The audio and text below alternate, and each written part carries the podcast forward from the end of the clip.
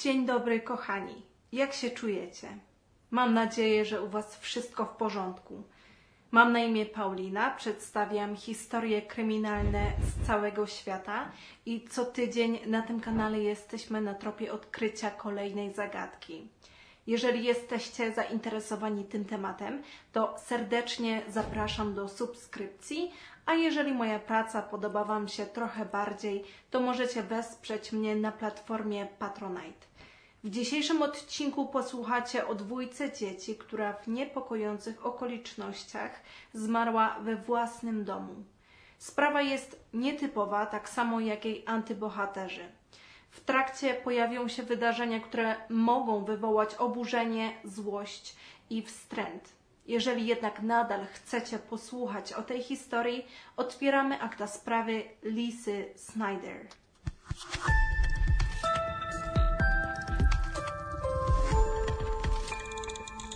Przenosimy się ponownie do Stanów Zjednoczonych, Albany, Pensylwanii. W tym miejscu mieszkała mała trzyosobowa rodzina, która składała się z dwójki dzieci i 36-letniej samotnej matki Lisy Snyder.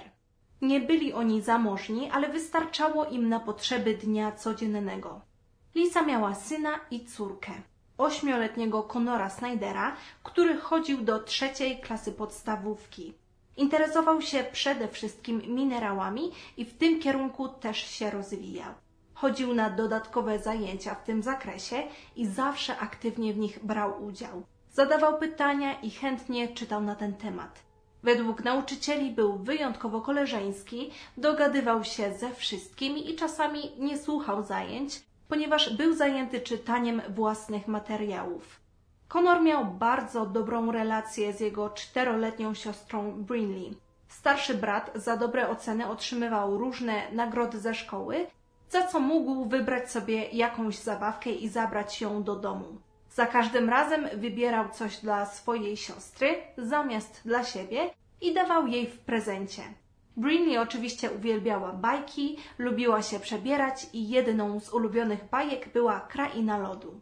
Różnica wieku między dziećmi była spora, ponieważ aż 4 lata. I w takim wieku jest to sporo. Kto ma rodzeństwo wie, jak to było w dzieciństwie. Nie zawsze można było się dogadać, ale pomimo tego ta dwójka chętnie spędzała razem czas. Więc dzieciaki z zewnątrz wyglądały na zdrowe, radosne, nie miejące większych problemów i rozwijające się w normalnym tempie. Chociaż Conor miał problemy z operowaniem przedmiotami, na przykład nie potrafił równo wycinać nożyczkami, ale chodził przez to na terapię usprawniającą jego zdolności motoryczne. Poza tym był chłopcem z nadwagą i według nauczycieli nie należał do zwinnych uczniów, ale w związku z tym nie miał żadnych problemów zdrowotnych. 23 września 2019 roku, około godziny 4.30 po południu, Lisa zadzwoniła na numer alarmowy ze swojego domu. Rozmowa między kobietą a dyspozytorem nie została upubliczniona, ale połączenie dyspozytora z policjantem jest dostępne w sieci. W tej rozmowie dyspozytor przekazuje informację, że Lisa znalazła dwójkę swoich dzieci powieszonych w piwnicy. Policjant zapytał, czy jest jakieś niebezpieczeństwo w tym domu albo w pobliżu oraz jak to się stało, że doszło do tej tragedii. Policjant w pierwszej chwili uznał, że ktoś wtargnął do mieszkania, jakaś wroga osoba i skrzywdziła dzieci. Chciał się upewnić, czy agresora już nie ma dłużej w pobliżu. Dyspozytor odpowiedział tylko, że według matki chłopiec już wcześniej groził, że się powiesi, ale ostatecznie nie chciał zrobić tego sam. O 4.41 więc zaledwie 10 minut po zgłoszeniu zdarzenia na miejscu pojawiła się straż pożarna. Lisa miała czekać na zewnątrz mieszkania, ponieważ tak właśnie została poinstruowana przez dyspozytora, ale kiedy strażacy dotarli na miejsce, nikogo przed domem nie było, dlatego strażacy zapukali do drzwi. Otworzyła je niemal natychmiast Lisa, która wyglądała na zestresowaną i wystraszoną, ale nie płakała. Otworzyła drzwi i rozmawiała przez telefon. Strażak zadał jej pytanie, gdzie znajdują się dzieci, ale ona nawet nie odpowiedziała, bo tak była zajęta właśnie tą rozmową telefoniczną. Wskazała tylko palcem, gdzie mają się udać.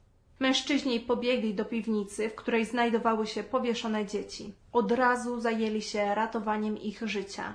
Uwolnili ich z zacisku i wykonali resuscytację. W tym czasie ich matka, Lisa, znajdowała się na górze, rozmawiając przez telefon.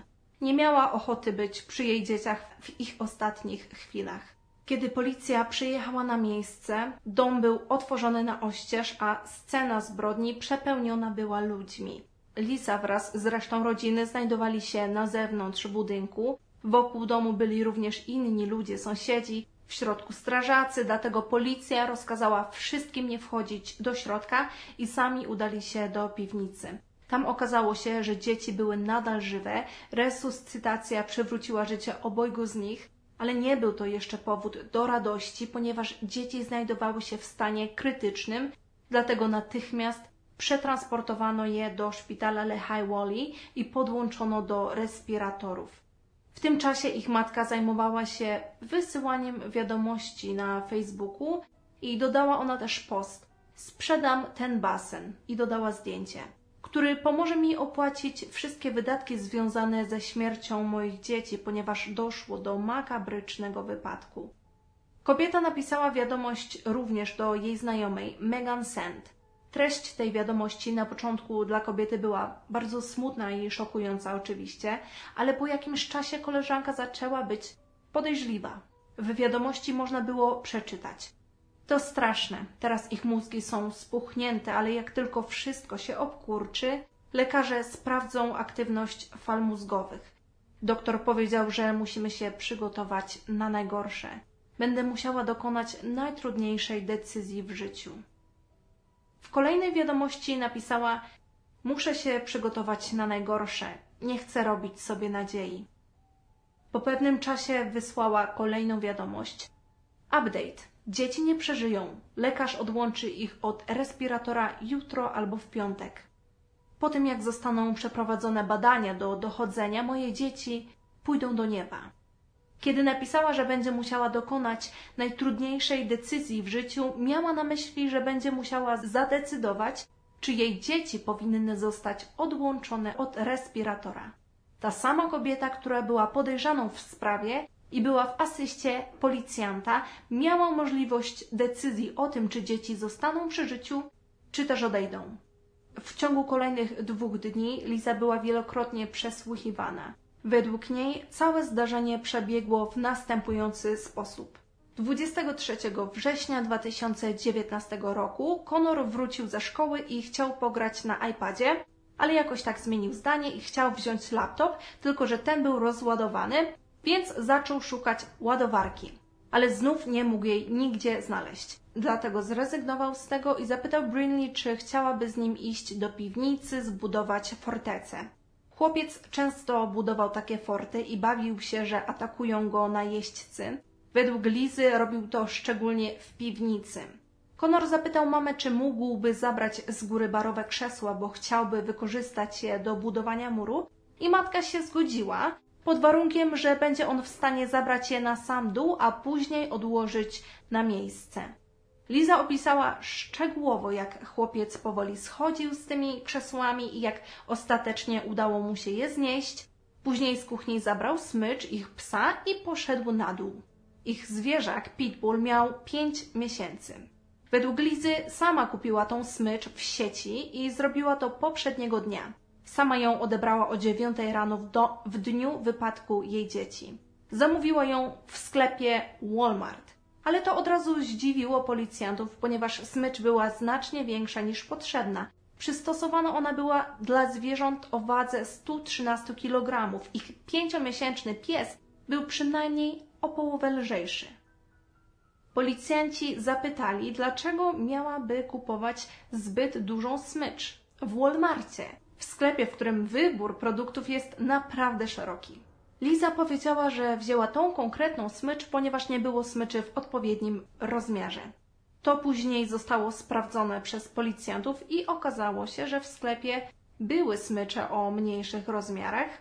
Ale okej, okay, to jeszcze niczego nie dowodzi. Kobieta być może po prostu nie wiedziała, jak odnaleźć w sieci odpowiedni rozmiar. Zdarza się. Kobieta powiedziała, że Conor tak naprawdę był ofiarą bullyingu w szkole już od pierwszej klasy podstawówki i jednego dnia powiedział, że chce umrzeć. Nie wiedziała dokładnie na czym polegało to szykanowanie, ponieważ Conor nie chciał się jej zwierzyć, bo obawiał się, że jeżeli jej powie, to ona zadzwoni do szkoły i będzie miał jeszcze większe problemy niż wcześniej.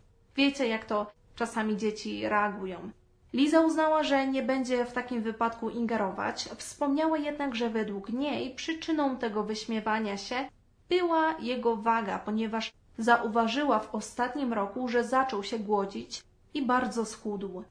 Podobno nienawidził szkoły i nawet raz po lekcjach zaczęła z nim rozmawiać, ponieważ była zmartwiona tym zachowaniem i powiedziała, że jeżeli kiedykolwiek wpadną mu do głowy myśli samobójcze, to że może z nią porozmawiać. Na co chłopiec miał odpowiedzieć: Zrobiłbym to już dawno, ale boję się samemu. W ogóle, co to za pytanie? Jeżeli dziecko ma problemy, to rodzic chyba nie mówi, że jakbyś chciał cię zabić, no jest to dość dziwne. W każdym razie Lisa kontynuuje opowieść z 23 września.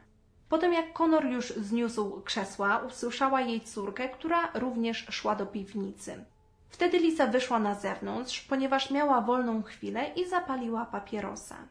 Zajęło jej to około 10 minut, po czym wróciła do domu. Chciała zacząć przygotowywać obiad, dlatego zeszła na dół zapytać dzieci, co chcą jeść.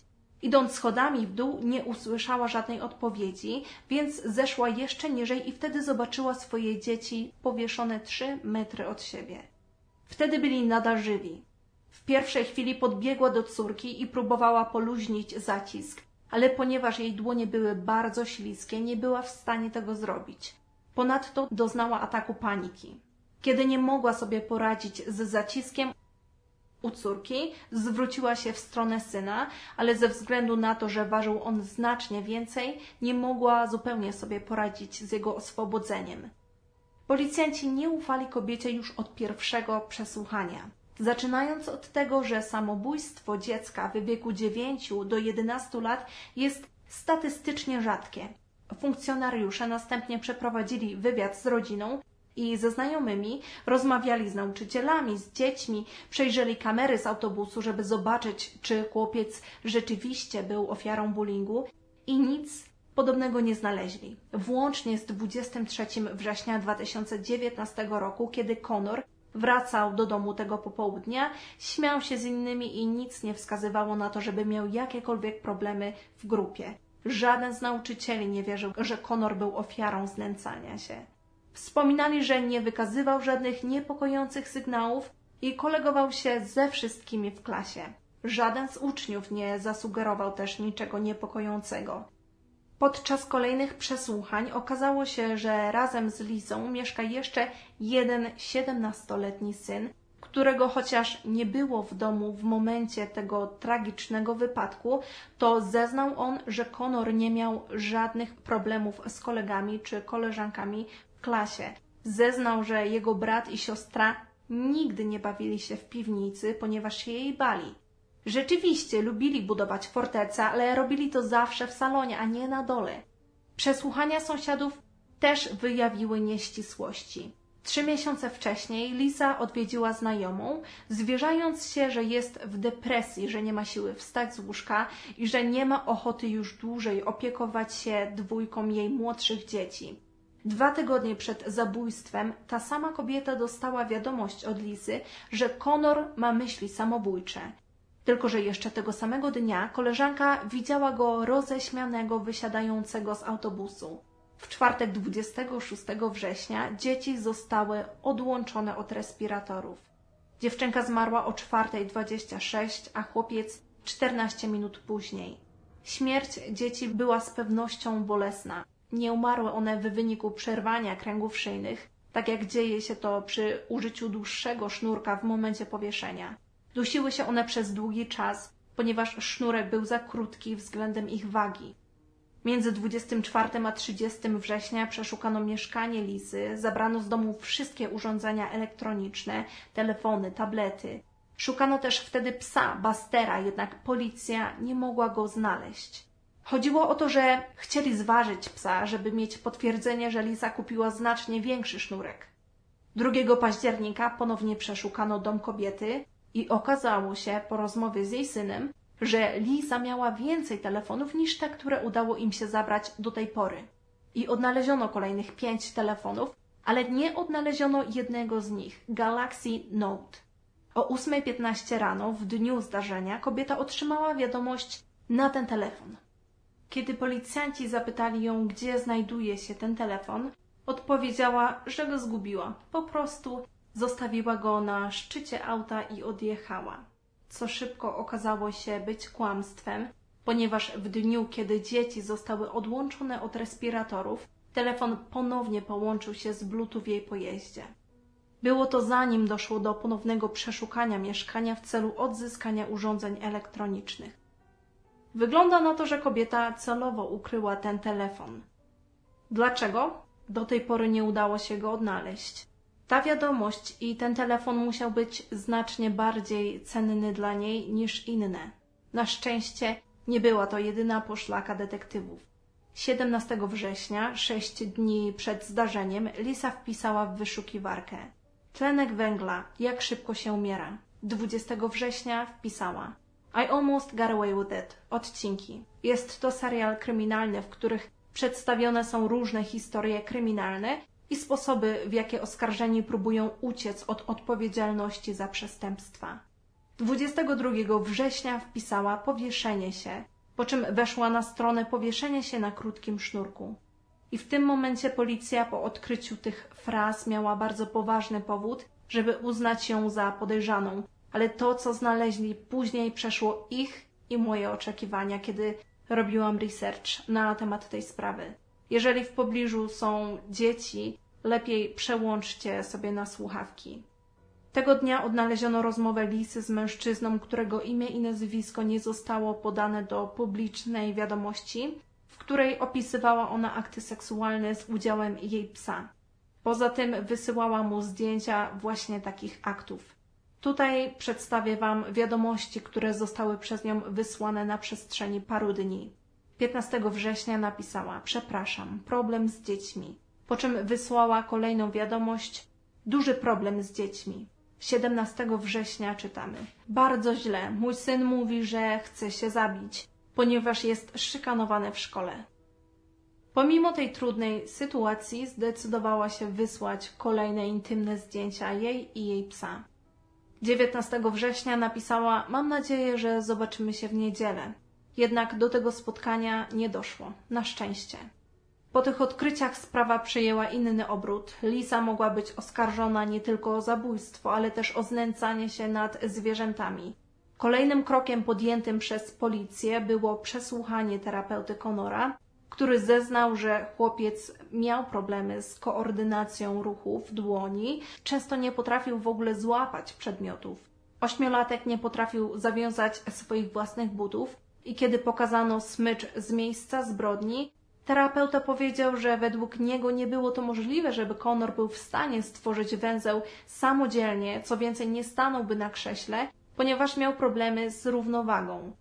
Lisa została aresztowana 2 grudnia. Na pierwszej rozprawie w sądzie obrońca złożył wniosek o odłączenie oskarżenia o okrucieństwo względem zwierząt od sprawy zabójstwa, ponieważ mogłoby ono sprawić, że ława przysięgłych będzie uprzedzona względem Lizy.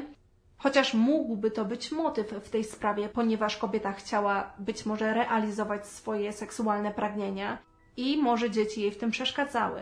Sędzia jednak odłączył to od sprawy morderstwa. Obrona kieruje się w stronę niepoczytalności i twierdzi, że ze względu na choroby psychiczne nie była ona świadoma tego, czego się dopuszczała i zrobiła to, ponieważ wierzyła, że ochroni swoje dzieci przed bullyingiem ze strony rówieśników. W ten sposób próbują zdobyć sympatię ławy przysięgłych. Kobieta nadal oczekuje na proces, a prokuratura chce kary dożywocia. Ostatnia sprawa miała miejsce 9 kwietnia 2021 roku. Prawnicy Snyder chcą, żeby ta miała możliwość zeznawania przed ławą przysięgłych, ale w tej kwestii sędzia nadal nie podjął decyzji. I teraz możemy tylko czekać na kulminacyjny moment całej sprawy w nadziei, że sprawiedliwość zostanie wymierzona. I to wszystko na dziś. Liczę, że sprawa była dla Was angażująca i że cokolwiek teraz robicie, czy maszerujecie do pracy, czy myjecie naczynia, czy też słodko zasypiacie, ten czas minął Wam przyjemniej. Zachęcam Was do obejrzenia innej sprawy kryminalnej na moim kanale, ale na cokolwiek się zdecydujecie, do zobaczenia w następnym odcinku. Ciao, beijos. Thank you.